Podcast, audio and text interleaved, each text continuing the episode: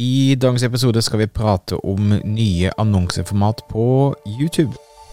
Stadig flere små bedrifter i Norge oppdager at med riktig markedsføring kan man utfordre de store, tradisjonelle bedriftene. At ved å ha fokus på å bygge gode relasjoner og opparbeide seg tillit, kan små bedrifter oppnå store ting. Velkommen til podkasten 'Suksess med Facebook-annonsering'. Mitt navn er Thomas Moen fra Moen Co. Vi er et mediebyrå som hjelper små nettbutikker å vokse. I denne podkasten kommer vi med ukentlige råd, tips og strategier som du kan implementere i din bedrift. Om du er helt ny på annonsering, kan du komme i gang ved å gå til moenco.no start for vårt gratis introduksjonskurs. Hjertelig velkommen tilbake til en ny episode. Det skjer ting i Google-verden også. Det kom akkurat fire nye formater for annonsering på YouTube.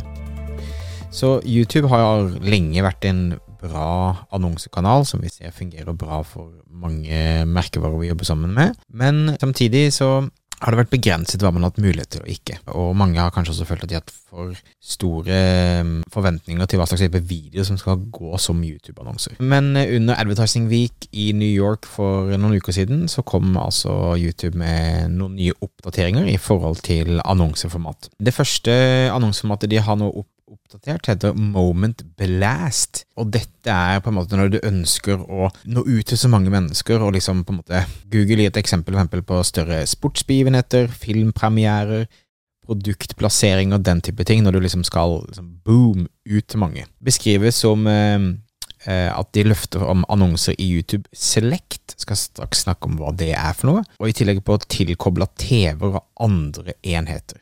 Så det vil komme sånne merkevarekort i videoer og toppannonseplasseringer. Så det er for å da nå ut bredt når du har la oss si et storsalg, Black Friday, den type ting. Så har vi dette som heter YouTube Select, som YouTube sier er et utstillingsvindu som synliggjør relevante videoer for hele YouTube-universet. Og Poenget her er at det skal gjøre det mulig for annonsører å nå spesifikke målgrupper basert på ulike nisjekategorier. Så kan si YouTube Select, som da er en slags funksjon i YouTube, så kan du velge da om du skal annonsere i gaming-segmentet, fashion-segmentet osv. Så, videre. så det blir bare en, en spennende ny plassering i det produktet som heter YouTube Select. Det tredje nye formatet som har kommet, er altså podkast-målretting. Veldig mange bruker YouTube til å både lytte på podkaster, altså uten å se video. Google har jo også eh, Google Podcast.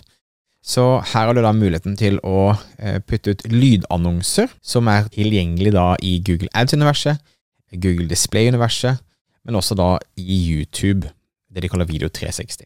Og siste formatet, Discovery-annonser. YouTube utvider produktvisninger til Discovery-annonser. Eh, det vil si at du kan hente ut produktfeed som vil hente fram lokale tilbud og den type ting. Og der skal det også være mulig å bli oppdaget hvis eh, Google og YouTube føler at det er en relevant annonse. Men, men, samme som vi rapporterte fra Facebook for et par uh, uker siden. eh, det kommer stadig nye steder man kan plassere annonsene sine, og det, det handler om at eh, når disse store annonseplattformene begynner å bli presset, så trenger de å gjøre det lettere og bedre for oss som annonserer, å nå ut til flere.